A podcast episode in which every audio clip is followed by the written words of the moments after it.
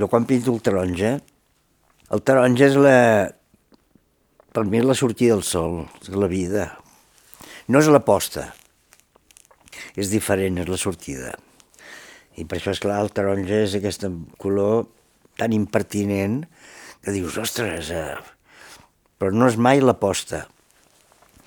A mi quan em diuen, vine, vine, vine, vine, que hi ha unes postes de sol extraordinàries, però a mi més aviat la posta de sol em fa com tristesa, perquè a mi m'agrada, jo quan a la nit no m'agrada la nit.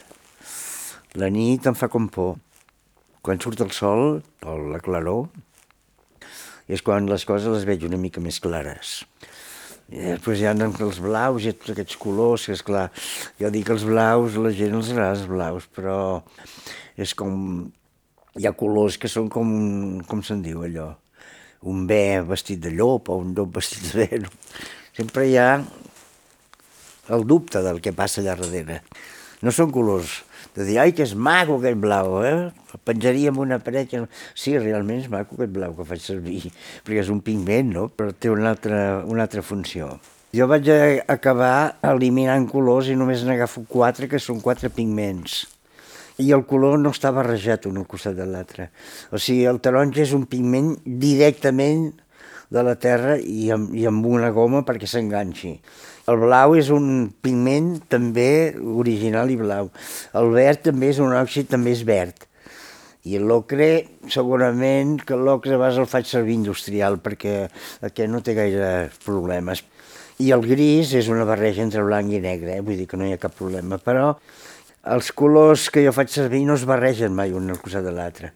Si faig el verd, és un verd com a grisat, no? Però jo, en aquest verd, tal com surt del pigment, és el que faig servir. No li, no li poso una gota de negre perquè es torni més fosc, ni una gota, no sé, de groc perquè es torni un, un verd més clar. O sigui, són colors directes a la terra, són pigments, barrejats amb, un, amb una goma, no?, amb làtex, etc. Per això són colors triats també, eh? Vull dir, triats expressament, eh? el color no, no ha sigut allò... El groc no m'agrada, hi ha colors que no m'agraden fer-lo servir. De vegades ha aparegut algun. El rosa el faig servir alguna vegada, però per connotacions molt personals. Quan estic una mica embrullat i la cosa no va, segurament que el brossa no li agradaria, eh, això que dic, però, però, però m'entendria. Jo dic, va, vinga, posarem una mica de rosa perquè ens animin, no? Perquè té una connotació, rosa i rosa. Hi ha obres que són rosa sobre rosa, i això però és fàcil, no? Però ell em deia com ho havia de fer, no? Escolta, tu has de pintar directament, eh? No dibuixis. Si has de pintar un paisatge, no el dibuixis, el paisatge. Posa el color directament a sobre, sense dibuixar. I és que allò creava una mena de, de pinzellades una sobre l'altra. Clar, era com pintava ell també, és clar que passa és que la sort va ser que jo no em vaig... Al començament, al començament segurament que em devia influir una mica la manera de pintar d'ell, però he tingut la sort que mai m'han influït, cap ningú m'ha influït el resultat de les, de les obres. Això també ha sigut un avantatge, perquè no he estat supeditat a l'obra dels altres. Eh? O sigui que una vegada em van regalar un amic va anar al Japó i va regalar una sèrie de, de pinzells japonesos, que encara els tinc aquí a l'estudi. I un dia vaig agafar-ne un que anava dins una capsa de cartró gros. I el vaig treure. I costa el problema aquest pinzell. Un pinzell que sucava molt de, molt de l'aigua de color, eh? I vaig agafar un paper, vaig sucar un pot de negre i crac, crac, crac, crac, sobre el paper i dic, ostres, si és un tàpies, això. Només hi falta la creu. Ui, per... malament, malament. Vaig agafar el pinzell, el vaig posar a l'aigüera, el vaig netejar ben netejat, el vaig posar dins de la capsa quan estava sec i mai més s'ha tocat aquell pinzell, està allà dalt. Per això, els conceptuals, doncs, eh, clar, jo no els entenc. Jo el que entenc, per exemple,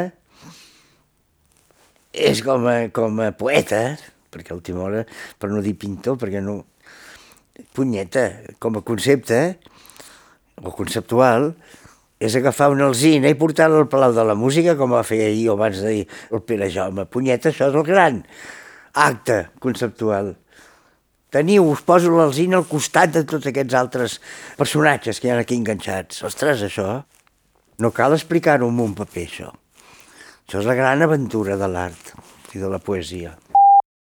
La pintura té com una màgia especial, perquè jo m'he trobat de vegades fer una cosa avui, deixar-la secar i a l'entrar l'endemà al matí tenir una idea de dir, bueno, com això sigui sec, aquest forat d'aquí en blanc, li incorporaré un color i tal.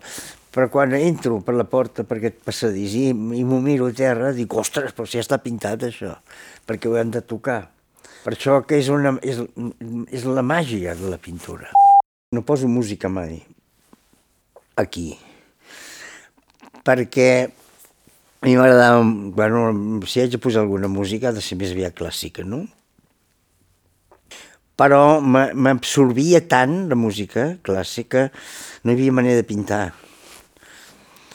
Quedava com bloquejat i m'emocionava massa la música, perquè és molt paral·lel a l'obra que jo faig. O sigui, la música i la poesia sembla que són les tres coses que, i la pintura que faig és la que van més lligades, més que no pas altres coses.